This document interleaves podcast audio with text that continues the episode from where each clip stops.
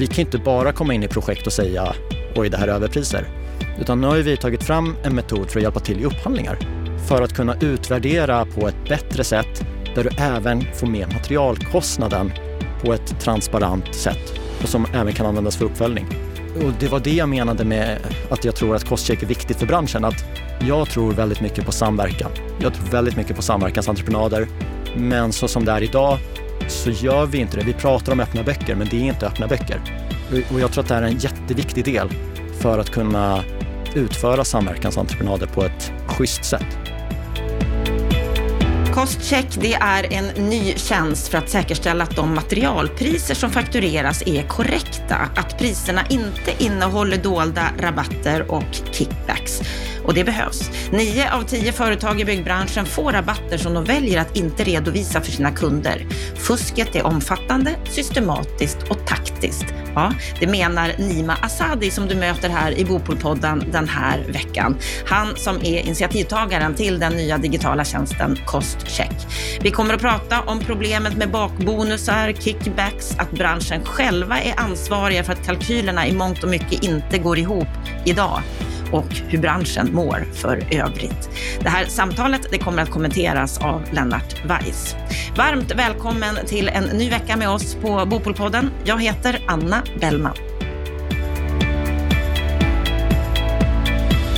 När Konkurrensverket fick i uppdrag av regeringen att utreda konkurrensen i byggmaterialindustrin, mm, då kom de i sin rapport fram till att nio av tio företag i byggbranschen får rabatter som de väljer att inte redovisa för sina kunder. Och för att hjälpa branschen att veta om det som står på fakturan är korrekt, att priserna inte innehåller olika dolda rabatter och kickbacks, så har en ny tjänst skapats Kostcheck. Och vi har bjudit in grundaren till detta initiativ idag. Så jag säger varmt välkommen till Bopolpodden, Nima Asadi. Tack. Vad är din sinnesstämning idag? Den är god. Eh, vi förpratade om att det är tre år sedan jag gästade senaste gången, så det är kul att vara tillbaka. Och sen, eh, som du nämnde i introt, eh, ämnet vi ska prata om, det är någonting som jag ser fram emot att prata om för att det är det är ett viktigt ämne för samhällsbyggnadssektorn. Det är någonting som jag har jobbat med under en lång tid och känner mig väl insatt i, så det ska bli kul att prata om. Mm, väldigt roligt att ha dig tillbaka igen. Precis som du sa, det är tre år sedan du var med i den här podden förra gången. Vi har hållit på i fem år med den här podden, så det är på tiden att du får komma tillbaka, Nima. Och innan vi går in på det här viktiga ämnet och det du, du har skapat med Kostcheck så vill vi veta lite mer om dig för den som inte känner till dig. Du är utbildad civilingenjör inom samhällsbyggnad, examen från KTH. Sen 2019 så arbetar du som konsult inom just samhällsbyggnad och verksamhetsutveckling. Framförallt med inriktning på utveckling, produktivitet, digitalisering, VDC och projektledning. Tidigare har du varit på Veidekke Stämmer. Hur kommer det sig att du, att, att du har satsat på det här området? Jag har ju känt att, eh, efter att ha jobbat i några år, att eh, min styrka det är att jag är, jag är ganska bra på väldigt många saker. Jag har inte riktigt den här spetsen, utan min spets är att koppla ihop saker och se hur de funkar tillsammans. Och det är väl det jag känner att i, i rollen som eh, konsult, att jag kommer till min rätt. och det, det syns ju i det jag gör om dagarna. Jag, jag jobbar åt ett fastighetsbolag som projektutvecklare. Jag har ju också podden, eh, hela kedjan. Nu senaste åren har jag även jobbat med, med Costcheck. Så jag, jag gillar att hålla på med olika saker och ja, se, se möjligheter som kan förändra på bred eh, front. Var det därför du, du lämnade Veidekke efter sju år och, och startade eget? Ja, det var väl flera saker. Jag kände ju att Veidekke, här kan jag jobba resten av mitt liv. Det är ett jättefint företag, stort, det finns många olika roller efter sju, åtta år där så hade jag lärt känna rätt många eh, medarbetare. Så jag hade kunnat stanna där resten av mitt liv. Men så kände jag, det här var 2018. Om jag inte kan säga upp mig nu, 2018 i Sverige, ekonomin går på högvarv, jag har inga barn, inget försörjningsansvar. Eh, när ska jag någonsin våga byta bana? Så det, det passade bra då, utan att ha någon plan. Så jag tog hela hösten 2018 eh, till att fundera, vad vill jag göra? Och det blev ju att jag vill göra flera saker. Mm, och det ångrar du inte? Absolut inte. Och nu då, idag, när marknadsläget är något annorlunda, går det fortfarande bra? Det tycker jag. Jag, jag har att göra. Sen eh, märker jag ju av marknadsläget både i projekten jag jobbar med, men också personer i nätverken som tvingas eh, sluta på, på sina jobb. Så krisen finns där, det gäller att vara ödmjuk inför den. Jag har att göra, men man, man vet aldrig, det kan vända snabbt. Ja, det kan du verkligen göra. Och som du säger, människor kommer och, och, och går, framförallt i de här tiderna. Vad är det framförallt för uppdrag som du fokuserar på? Men nu så arbetar jag åt det här fastighetsbolaget som projektutvecklare och det är beställarrollen. Så söka bygglov, köpa en entreprenad och, och följa med projektet egentligen från första ritsträck till, till en inflyttning. Och det är klart att det, det märks, för det startar ju färre projekt nu än för, för tre år sedan. Men jag har tur att mina projekt har en kalkyl som håller, har en finansiering. För det tycker jag att det pratas för lite om. Eh, jag, ni tog upp det i en artikel och det tyckte jag var bra på bostadspolitik.se att det är inte bara det att fastighetsägarna eller projektutvecklarna inte får ihop sina kalkyler. Även de som får ihop sina kalkyler får inte nödvändigtvis finansiering. För banken ser annorlunda på risken. Och det där är en fråga som jag tycker borde få större uppmärksamhet. Mm. Men jag har turen, för mina projekt, de, de rullar. Och sen så håller jag ju på med Crosscheck som jag brinner för och bara liksom vill lägga ner timmar på. Så kvällar och helger, det, det, det finns inget stopp finns att göra. Och nu glittrar det rejält i dina ögon ja. när du pratar om det. Men om vi bara ska bottna lite grann det här med finansieringen som, som du nämner som otroligt viktig. Vad skulle du säga är avgörande för att få finansiering idag i det här speciella läget? Men jag måste ju vara ärlig, jag jobbar ju inte så nära frågorna att jag har kontakten med finansieringsinstituten. Men, men det jag hör är att även om vi får ihop en kalkyl, för det är inte alla som får nu. Ska du knappa in 5% ränta istället för 3 ja, det, det blir svårare. Men även när du gör det och får ihop en kalkyl så ser banken kanske annorlunda på risken. Och då kommer de fram till att nej, men du får ingen finansiering. Fast du hade fått, med samma indata hade du fått en finansiering för några år sedan. Och det, det pratas det ju för lite om. För jag tycker det pratas mycket om att man inte får ihop sin kalkyl. Markpriserna måste ner. Ja, fast även om vi får ihop en kalkyl så får vi inte lånet. Och de som får lån, jag tror att alla är överens om att det tar betydligt längre tid att säkra det lånet. Och vad är det som gör, tror du, att det är dina projekt som du jobbar i, att de faktiskt får lånen och får ihop, inte bara kalkylen utan också får finansieringen? Det är ju att de har funnits med länge. Det, det har funnits en, en kontakt med eh, banken sedan flera år tillbaka. Det har funnits andra anledningar till att de inte har kommit igång. Det kan ha varit detaljplaner och liknande. Men kalkylen har varit känd, man har fått ett förhandsokej på det. Så nu får vi köra vidare. Mm, så det är svårare för nya uppdrag, nya projekt? Absolut, och det gör ju att det kommer ju byggstarta färre projekt nu, men att det smittar av sig eh, framåt. Om, om det inte händer någonting, och, och det vet vi att det, det kan det ju göra snabbt. Och vad skulle kunna hända? Ja, men i, i korta perspektivet är ju nästa räntemöte. Vad, vilka ord väljer de att sammanfatta eller skriva i det mötesprotokollet? Det, det är där vi är.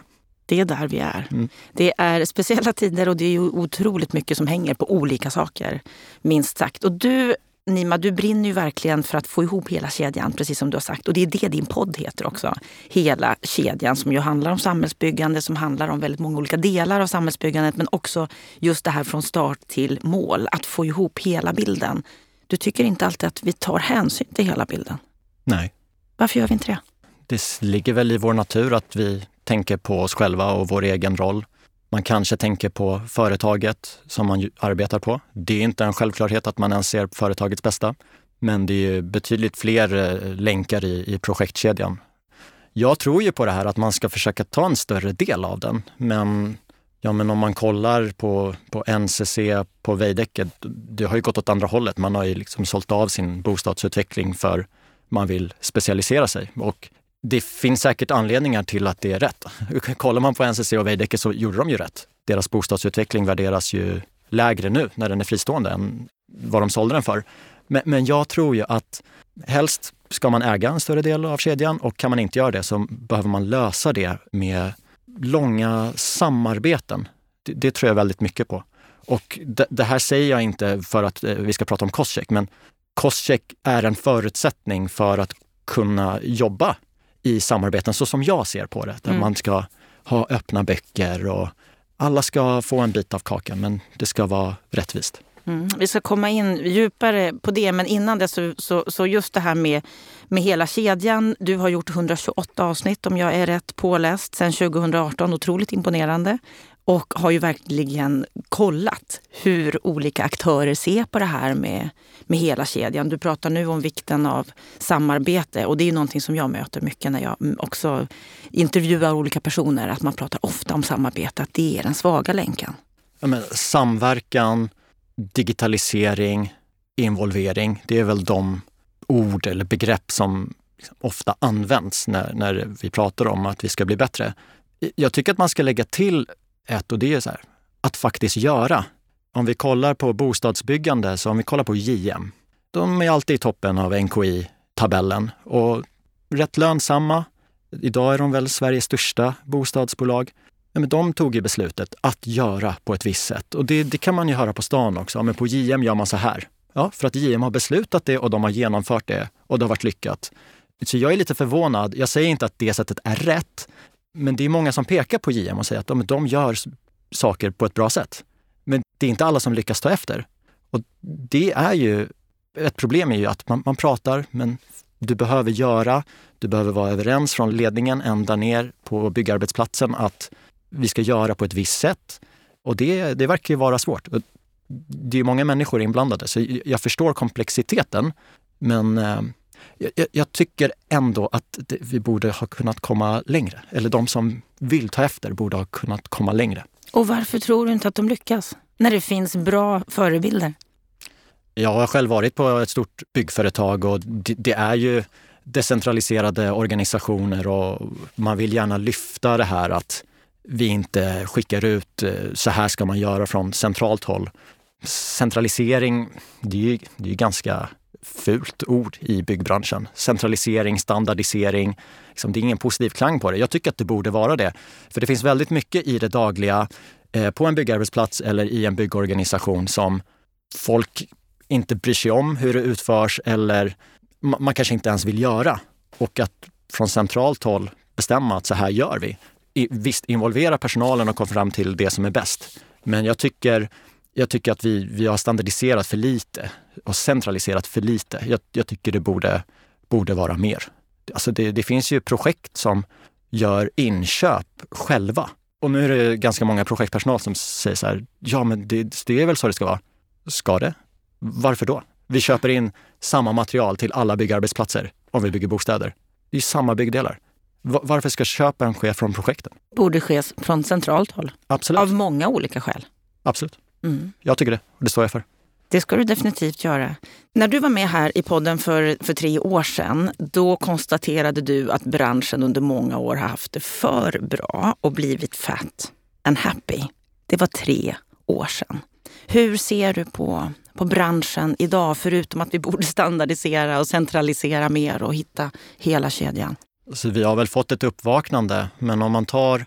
Jag började på Veidekke 2010 och de första åren var det lite jobbigt, men från 2013-14 så fick ju Veidekke verkligen igång sina projekt. Och det var ju massa andra bostadsutvecklare och bostadsbyggare som hade hur mycket jobb som helst. Det är bara att kolla statistiken från Boverket. Det gick lätt. Det var många projekt som startade och så här var det ju. Och man kan säga så här, ja, men sen kom amorteringskraven 2017. Ja, men det, det fortsatte byggas ändå. Så i alla fall i tio år så gick det bra. Eh, så vi har ju fostrat en hel generation, tio år är en lång tid, en, en hel generation som har vant sig vid att ja, men det finns pengar. Och kan det vara därför som vi också är lite mer slarviga kring inköp exempelvis, att vi inte samverkar fullt ut eller centraliserar för att vi just har varit fat and happy? Absolut. Mm, det hör ihop. Ja, alltså det har varit tio år där det har varit det har funnits pengar, alla har kunnat gå runt man har inte behövt tänka på att eh, den här eh, entreprenören försöker lura mig eller något sånt. Eh, byggbranschen annars, pratar du med dem som varit med på 90-talet, alltså då är det ju mer en regel än ett undantag att man försöker lura varandra i byggbranschen. Jag har inte behövt tänka på det alls under mina år i byggbranschen. För det, projekten har gått runt. Jaha, nu kommer du med några extra timmar. Det är väl okej. Okay. Man ser lite under radarn på det. Ja, men man har inte, man har inte haft den pressen på sig. Men nu, nu blir det ju ett uppvaknande ändå att eh, nu har vi den här påsen med pengar. Vi måste förhålla oss till det här. Så alltså det är aldrig bra att det blir eh, anledningen till att vi, vi har den här ekonomiska situationen i Sverige. det är ju hemskt. Det är ju det är ett krig i Europa, vi hade en pandemi innan det. Liksom det anledningarna är helt hemska men, men, men själva effekten av att det blir lite sämre tider, den kan vara, vara bra. För då får vi tänka till, få vara kreativa. Hur ska vi göra nu? Och så får vi hoppas att den inte blir så långvarig så att det inte får negativa effekter för de som jobbar i, i branschen. Men, men att den kom, det, det tycker jag ändå är, är, är, bra. För vi kan lära oss av det och skärpa oss. Absolut. Och om jag då tolkar dig rätt så har vi under många år när vi har varit fat and happy varit lite slarviga med pengarna för vi har inte behövt titta så noga på var pengarna går någonstans. Och att det nu lite grann biter oss i svansen, stämmer det? Ja, så, så skulle jag säga. Sen är det ju att när det är bra tider och det går bra, då är det ju lätt att, att, tänka att man gör saker på ett bra sätt, för här gör ju vi en vinst. Eh, och det, det, tycker jag, det ska man absolut tänka, men man ska också hela tiden tänka, vad kan vi göra bättre? För jag tror att när krisen började komma så var det så lätt att säga så här, men vi, vi har gjort allting rätt. Att det går dåligt nu, det beror på marknaden och, och andra förutsättningar. Men nu när den här blir lite mer långvarig så måste man ändå börja kolla på sig själv och, och tänka, okej, okay, men vi måste göra någonting åt saken. Det här kommer inte vända snabbt av sig själv. Och det är lite annorlunda jämfört med ja, men kanske när amorteringskraven kom, att ja, men det vart en liten dipp, men sen så, det löste ju sig. Nu blir det ju lite jobbigare. Det kommer ju vara lite några år där vi bygger mindre. Okay? Och för att få de projekten så måste du ju verkligen tänka på alla detaljer, vara välplanerad, för vi har inte råd med den eh, kostnaden som vi hade råd med bara för något år sedan. Så om jag tolkar dig rätt, du menar att trots de här tuffa tiderna så skulle branschen kunna gå lite bättre om vi hade bättre koll på kostnader och vad, vad vi gör av med pengarna? Av de projekt som jag har kollat på eh, under 2010-talet så är det ju inte en enda gång jag har sett så här, oj, här i det här projektet så stod stjärnorna rätt och vi gjorde allting rätt. Det här är det mest effektiva produkt jag sett. Och här, den här bilden tror jag att jag delar med väldigt många. Och jag säger inte att man i alla projekt kan få ut 100 procent, men det har varit eh, väldigt många projekt där man med ganska enkla medel hade kunnat göra det bättre.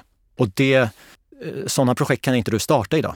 Det, det går inte. Du måste vara välplanerad innan du sätter spaden i backen och sen måste du göra ett jättejobb ute på plats också för att det ska funka. Det är nytt. Det är nytt och detta är en kris som alltså kan vara nyttig på många sätt. Ja. Du har ju startat då detta med kostcheck. Berätta, vad är bakgrunden till det?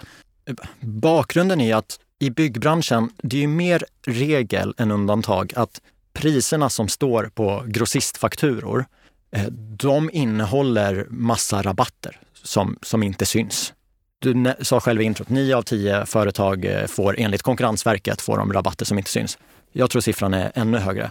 Det dröjde ju bara några veckor på min tid på Veidekke innan jag fick höra att ja, men den där rörmokaren har ju ändå en bakbonus. De kommer klara sig. Eh, så jag visste ju om att det finns ett fenomen som heter bakbonus. Och vad är det? Ja, men vi kanske ska börja där. Två begrepp som ofta cirkulerar i, i, i den här diskussionen är årsomsättningsrabatt och bakbonus. För mig är det här två olika saker. En årsomsättningsrabatt, det skulle jag säga, det är som jag har i min matbutik. När jag drar medlemskortet så får jag någon procent som samlas i, i form av en bonus och sen får jag en värdecheck som jag kan handla för. Den här årsomsättningsrabatten är känd. Går du in på Hemköps hemsida eller ICAs hemsida så står det att alla medlemmar får 1% eller 2% Och den kommer i mitt namn och jag kan handla i butiken. Alla i Sverige har samma. Och så när jag ber dig handla på ICA åt mig så vet jag att har du betalat med ditt medlemskort, du kanske har fått 1% av beloppet. Vet du vad Anna? De får du behålla. Mm. Det är lugnt. En och det är transparent? Det är transparent. En bakbonus det är att jag handlar i matbutiken med mitt Visakort. Om en månad eller om ett år kommer jag få pengar in på mitt konto. Du vet inte hur mycket. Och jag kan få mer eller mindre än när du handlar. Och de här pengarna, de kanske kommer in på mitt Visakort. De kanske kommer in på mitt Mastercard. De kanske kommer in på min sambos kort. Eller om jag har sagt att, nej men vet vad? De ska komma in på ljudkillens kort. Då kommer de in där. Så det finns ingen spårbarhet så länge du inte får access till grossistens bokföring, vart pengarna har gått. Och det här är en jätteskillnad. Och jag har ju alltid ändå trott att ja men bakbonusen, den är väl några få procent. För på de stora byggarna, jag var på en av dem, så är det några få procent. Visserligen på en hög omsättning, men det är några få procent. Men för tre år sedan så hade jag ett samtal med en eh, vän som är, eh, jobbar i branschen och han sa att, vet du vad, inom vissa discipliner och projekt så handlar det inte om några få procent. Så jag ägnade tid till att forska i det där för att jag tyckte det var superintressant.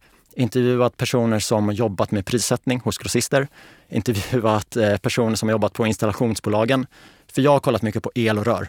Och eh, bilden som, som, liksom, som jag såg kände jag att nej, det här måste, det, det kan inte få, få vara så här. Vi, det måste finnas en lösning. Och från det så kom Crosscheck fram. Ja, jag läste en artikel med dig i byggindustrin där du jämförde högsta och lägsta pris för ett T-rör av stål. Och under samma period så var priset det lägsta 181 kronor och det högsta 1895 kronor för exakt samma rör. Mm. Och det där, är, det där behöver man ju lära sig för att hos grossisterna så finns det något som heter listpris. Och ibland så avtalar man faktiskt med sina entreprenörer att det är listpriserna som gäller. Det ska man ju absolut inte göra för att i, i, i byggbranschen så det finns ingen koppling mellan dem och verkligheten. De flesta rabattsatser, det, det är inte ovanligt att det är 90% i rabatt på produkter, 80% Så det är en skillnad mellan listpris och, och rabatterna. Och sen, eh, bra att veta med rabatterna, för jag hörde när du och Lennart Weiss, när ni pratade om den här artikeln. Och, och en missuppfattning är ibland att entreprenörerna inte redovisar någon rabatt alls.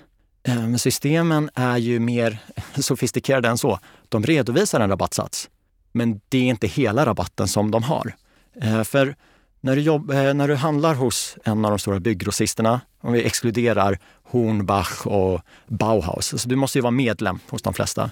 Och då får du hem ett rabattbrev och där står det att med Nimas elfirma, ni har 30% i rabatt på vägguttag och ni har kanske 50% rabatt på kabel. Man får olika rabattsatser. Men de här rabatterna är ju också uppdelade. Att om, om jag har 50% rabatt på kabel så kanske den är uppdelad i två delar. 35 plus 15. Och då är det så, okej, okay, var, varför då? Mm, men då kan jag ju välja. Ska 35 synas på fakturan och 15 komma tillbaka? Som en bakbonus? Som en bakbonus. Eller ska det stå 35 plus 15?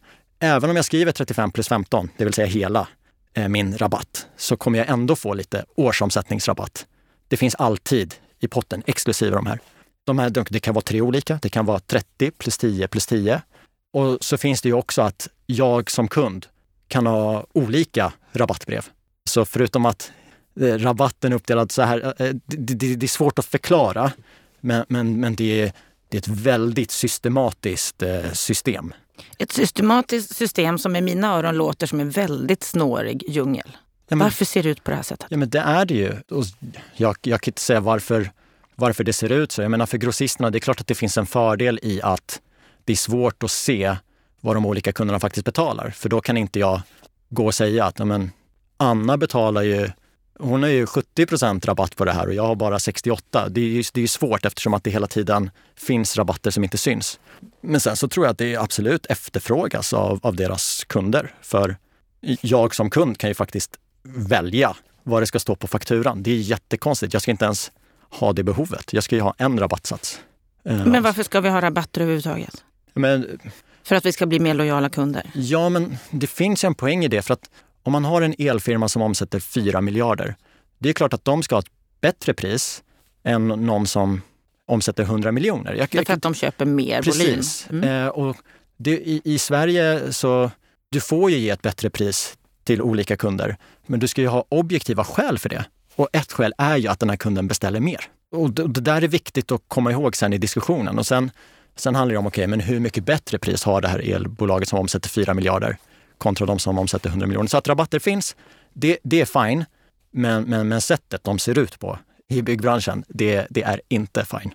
Så vad är det du vill åstadkomma med Costcheck? Alltså på sikt så vill vi ju få bort det här systemet. Vi vill få en större pristransparens. Jag vill att när jag som beställare får en faktura, då, då är det, står det 12 kronor, så är det 12 kronor du har betalat och ingenting annat. Du har inte betalat 12 men får tillbaka 6. Och det, det går inte att se idag. Nej, för du menar, det jag också läser i den här artikeln i byggindustrin, att fusket i den här branschen är omfattande, systematiskt och taktiskt. Ja, alltså vi har ju hittat saker i alla projekt vi har kollat på. Och vad är det det fuskas kring? Ja, men prisfusket, det, det är ju faktiskt ett fusk. Men sen när vi läser in fakturor, vi kan ju hitta andra saker. Vi kan ju se om man har beställt för mycket material som inte behövs i projektet. Det är också en typ av fusk. Där kan man ju säga att det kan vara den mänskliga faktorn som spelar in att det har blivit fel. Men, och vi kan också se, ja men i ett projekt, i, ofta i en samverkansentreprenad, om man har löpande räkning, så, så är man överens om att, vet du vad, i timmen så får ni 600 kronor. Och de här 600 kronorna, de ska ju täcka lön, de ska täcka kaffe, skyddskläder, ja, det finns massa punkter. Och sen på det materialet ni köper så får ni ett visst materialpåslag. Och då händer det ibland att saker som ingår i timpengen hamnar på fakturorna också. Så det, sånt hittar vi också i och med att tjänsten är, tjänsten är helt digital. Eh, så det går ju snabbt och datorn är ju faktiskt eh, skickligare än, än människan på att, på att hitta saker. Sen kan människan analysera slutprodukten, men datorn är, är stark. Vi är själva överraskade av hur snabbt det går och, och sakerna man hittar. Hur snabbt det går att hitta fusk? Ja, fusk och fel. Jag menar, vi lägger ju tid på att granska fakturor redan idag. Och om en dator kan ersätta den tiden så är det ju vinst på den sidan också.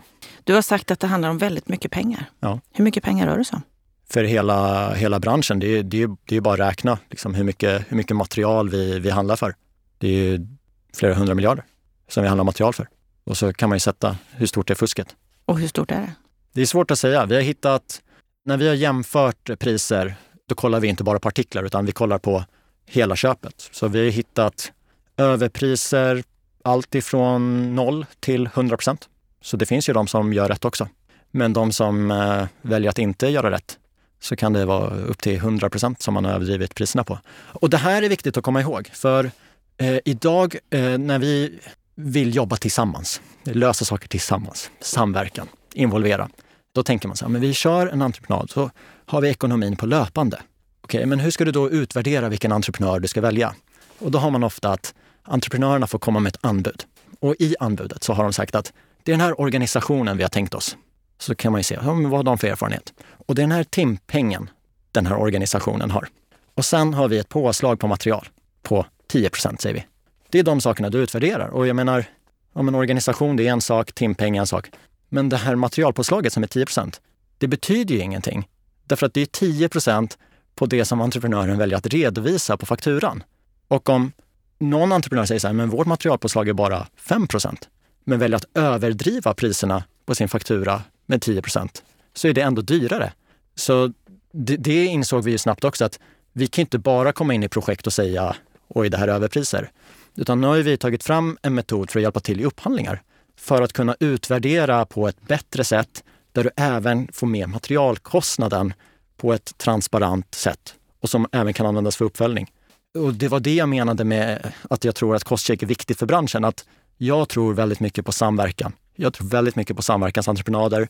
Men så som det är idag så gör vi inte det. Vi pratar om öppna böcker, men det är inte öppna böcker. Och jag tror att det här är en jätteviktig del för att kunna utföra samverkansentreprenader på ett schysst sätt. Så om man som entreprenör och i dessa samverkansentreprenader vill använda er tjänst för att verkligen veta att det jag köper är riktigt, det är inget fusk utan det är transparent. Vad är det som krävs då? Man kontaktar oss och vi kan hjälpa till. Om man inte har handlat upp någon, entreprenören, så kan vi få med saker i upphandlingen för att man ska kunna göra en schysst anbudsutvärdering men också följa upp under projektets gång. Och är man mitt i, för vi kommer in i de sammanhangen också, ja men då, då läser vi in fakturorna, vi gör en analys, tar fram faktapunkter för ett samtal som man kan ha då med berörd entreprenör. Och det här är ju, vi får ju, man tänker så här, åh nej, nu kommer kostcheck och branschen blir förbannad och varför ska de in och pilla på det här? Men det är faktiskt elfirmor och rörmokare som hör av sig till oss och är jätteglada över att vi gör det vi gör. För de vill konkurrera på ett schysst sätt. Men om deras konkurrenter inte gör det, eller om en enda konkurrent inte gör det, då känner ju den här schyssta firman att åh, men då måste vi också göra på samma sätt för att ha en chans att få projekten. Så fusk leder till mer fusk? Ja, och det sprider sig. Och du sa innan här att, att det finns de som gör rätt. Ja. Menar du då att de flesta fuskar? Ja, det är Konkurrensverket som säger det. Och om vi då tittar på branschen, hur, hur har det här tagits emot? Av rörfirmor och andra så har det tagits emot positivt, de som vill vara schyssta. Från entreprenörssidan, hur har det tagits emot där? jag har jobbat med utveckling i, i ganska många år, så jag vet ju att det finns ju olika sätt att reagera på det. Tänk att det kommer någon som säger till dig att ja, men du har gjort på ett visst sätt i 20 år. Nu kan du göra på ett bättre sätt. Jag tror att en reaktion hos dig skulle vara att nej, det är någonting som de inte har fått med. Jag har gjort det här i 20 år, vad menar de? Så ibland möts man av att kanske folk vill slå hål på idén. Men det, det tycker jag att vi har hanterat bra. Så jag tycker att det har tagits emot på ett, på ett bra sätt. Alla vi har valt att presentera för har sagt att det här är jättebra. Sen är det ledtider i branschen, men sen i somras är vi ju igång och kör, både mm. i projekt och förvaltning. Så, och hittills har ju ingen kund hoppat av. Så när man väl hoppar på så känner man att det här är, det här är bra. Så ett drygt halvår har ni mm. hållit på. Ganska nytt fortfarande. Vad tror du att det här kommer att leda till? Alltså, vi har ju hållit på längre för vi gjorde ju ett proof of concept hösten 2022. Så liksom idén, lösningen, vi har jobbat med det länge, men det är sen i somras som vi kört och, och lanseringen var egentligen i december. För tidigare har jag valt att inrikta mig till statliga bolag eller kommunala, för det är skattepengar. Och jag vet att när Uppdrag granskning gör ett program om det här, för då borde de göra, det, det är så stort. Då är det de eh, statliga och kommunala aktörerna de, de börjar med. Så det är de kunderna vi är igång med nu. Och vad var din fråga? Vad jag tror framåt? Mm. Jag tror att det här kommer växa. Vi kommer få in fler kunder och vårt mål med den här tjänsten är att eh, det ska ju vara en, vara en självklarhet att du, att du använder den i, i din dagliga verksamhet. Och vårt mål är att göra den så digital som möjligt så att det går snabbare och att eh, jag som mellanhand, ofta är det jag som är kundkontakt nu, jag ska, jag ska knappt finnas. Går det att få bort fusket i branschen? Det, det, går. Gör man upphandling på det här sättet som vi vill att man gör och som några av våra kunder är på och får in i kontrakt nu, så det, det här är ju på riktigt. Det är inte någonting som säger, men det där går inte att göra, det är en bra tanke, utan gör man upphandlingar på det här sättet och är öppen med att vi kommer följa upp på det här sättet, då blir det bättre projekt. Så i de projekten kan man få bort det, ja. Och på sikt kanske, för alla projekt? Alltså jag, jag önskar det. Men Anna, det, det jag har sett de senaste två åren, att det kommer ta så lång tid. Det kommer ta jättelång tid. Privatmarknaden är ännu värre. Mm. Nu kände du hur min energi bara mm. försvann. Därför att ju mer jag ser, desto värre blir det. Och desto viktigare blir en sån här tjänst. Ja, och desto roligare när vi har ett stort projekt. Vi, vi finns i de stora projekten där om, omsättning på miljarden. Vi finns också i förvaltning. Och, och, och när man ser, liksom, i förvaltning är det ju många bäckar små som blir mycket pengar, det blir mycket tid. Granska fakturor, alltså det är inte många som har det som det roligaste man gör på jobbet. Och om man kan få en hjälp med det. Jag hade älskat den hjälpen när jag själv attesterade fakturor, att priset, det har någon redan kollat. Jag ska kolla om mängden stämmer och om det är rätt typ av material. Och jag kan få hjälp med både mängden och rätt typ av material genom kostcheck. För vi kan ju kolla sådana saker också. Alltså det. Behovet borde vara enormt med andra ord, ja, när man hör dig. Ja, och mycket roligare att få en sida med, vet du vad, vi har, vi har skannat igenom hundra sidor fakturor. Här är våra slutsatser. Än att behöva skanna igenom hundra sidor själv, tycker jag. Då får vi hoppas att det är fler som upptäcker den här tjänsten framför allt. Att fusket elimineras så långt det går och att det blir mer transparent. Ja, absolut. Och, menar, nu har jag varit ute och berättat mycket om hur rabattsystemen fungerar och sånt. Och det gör jag gärna för att jag tror att om man, om man ökar medvetenheten, vi kommer ju med tips som man kan använda även om du inte använder vår tjänst. Tänk på de här sakerna. Eh, för jag tror att det, det måste till en förändring och någon måste starta den och vi är gärna med och driver den. Och det gör ni på ett bra sätt och jag önskar dig varmt lycka till med det Nima, framåt. Tack för att du kom till Bopolpodden. Ja, men tack för att jag fick komma.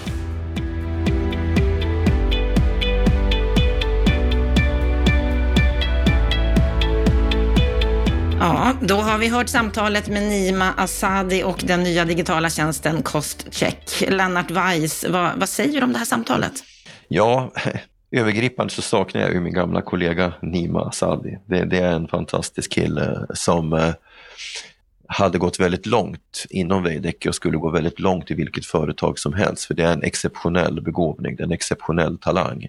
Och just det faktum att han har en bredd i sin kunskap gör ju att han är ju, han är ju en predestinerad hög chef i vilken organisation som helst han har det strategiska perspektivet, men han är också den typen av person som dockar ner mot operativa frågor. Och det avspeglar ju samtalet också. Så att det är väl min första reflektion kring det hela. Sen gör han ju inledningsvis ett antal intressanta reflektioner kring branschens utveckling som sådan. Jag tycker att eh, hans resonemang kring branschen som landar i, i, i ett väldigt tydligt statement då, att branschen har standardiserat och centraliserat för lite. Det är värt att liksom beakta. Jag delar det till viss del. Sen är jag ju samtidigt anställd i ett företag som har involvering med, med långt driven decentralisering eh, i, i sitt arbetssätt som huvudstrategi. Men jag tror att de här två synsätten kan giftas ihop, det vill säga att man centraliserar och standardiserar vissa saker som till exempel inköp och metoder och, och, och, så, jobbar med strategiska leverantörer. Men sen har ett utrymme för en hög grad av involvering därför att byggverksamhet är fortfarande till sin natur väldigt mycket en plats och projektrelaterad verksamhet och då kan allting inte liksom förskrivas i handböcker utan det händer saker hela tiden lokalt. Och då kan man säga att informerade och involverade medarbetare är i sig en strategi för att uppnå effektivitet. Men det är också en typ av standardisering, det vill säga du standardiserar ditt arbetssätt. Och, men, men det bygger på på, på, information och delaktighet. Men det vet ju han också så det, det, är ju ingen anmärkning mot Nima. Eh, så att han, han, han visar ju med sitt resonemang och det är också en kunskap han har sen förkovrat i, i sin podd Hela kedjan som ju är en fantastisk kunskapsbank eh, för den som är intresserad utav hur, hur byggverksamhet bedrivs operativt och i praktik. Och hela det, hans resonemang som då är bakgrunden till hans nya tjänst, det här med dolda rabatter och, och kickbacks. Vad säger du om det? Har han rätt i det? Ja, det har han, nog skulle jag säga, med utgångspunkt ifrån den specifika infallsvinkel som han har på samverkansentreprenader. Men jag är ingen expert så att jag gör ändå reservationer. Jag tycker vi ska ta in Ola Månsson från installationsföretagen och låta honom kommentera det här och sen så kanske rent av föra eh, det här samtalet vidare i någon form. För det är en viktig fråga för branschen. Men, men vi ska ha klart för oss att i branschen så tillämpas ju olika entreprenadformer. Och de två vanligaste det är ju att du handlar upp eh, ett projekt på total, som en totalentreprenad med fast pris. Då är det så totalentreprenören som i sin tur upphandlar sina underleverantörer och han levererar ett fast pris mot sin beställare. I det fallet så spelar det ju mindre roll om det, det vinnande anbudet har liksom både bakbonusar och om, årsomsättningsrabatter. Det bakas ju så att säga in i det pris man konkurrerar om. Men problemet uppstår ju när man arbetar med samverkansentreprenader som ju är en mer och mer vanlig form i branschen. Därför att det bygger på att båda parter sätter sig ner och så sätter man ett målpris och utifrån det målpriset så försöker båda parter sen göra så genomföra projektet så effektivt som möjligt och kommer man under målpriset så finns det ett incitament för entreprenören, det vill säga få mer betalt och beställaren har fått en lägre totalkostnad. Men det, det arbetssättet bygger ju i grunden på öppna böcker. Att, du är öppen, att man är öppen mot varandra vilka kostnader man har, därför att det är de kostnaderna som hamnar sen i, i, i projektbokslutet. Eh, eh och har man då handlat upp på det sätt som Nima säger, då har man har kommit överens om ett timpris för utfört arbete som inkluderar ett antal saker. Men det finns en kostnadskomponent som är mörk och den kostnadskomponenten heter material, där entreprenören har en egen affär, en affär i affären så att säga, en så kallad bakbonus och den är inte känd utav beställaren. Så kan jag hålla med honom om att det uppstår ett moraliskt problem. Därför att om man kommit överens om att man jobbar i samverkan så ja då får man väl komma överens om att material inte omfattar den samverkan. Men om, om, men om materialet så att säga öppet eller indirekt eller outtalat ingår i samverkan så blir det ju lite konstigt om den inte är redovisad och om man inte delar så att säga på effekten utav bakbonusen.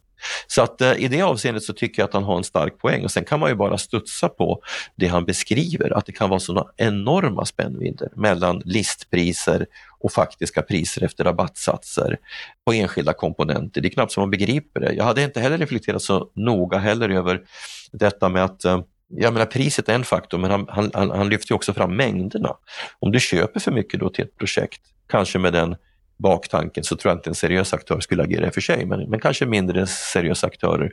Att jag köper in större mängder för att liksom ha egentligen gratis material till ett annat projekt för att göra det, genomföra det på ett mera lönsamt sätt.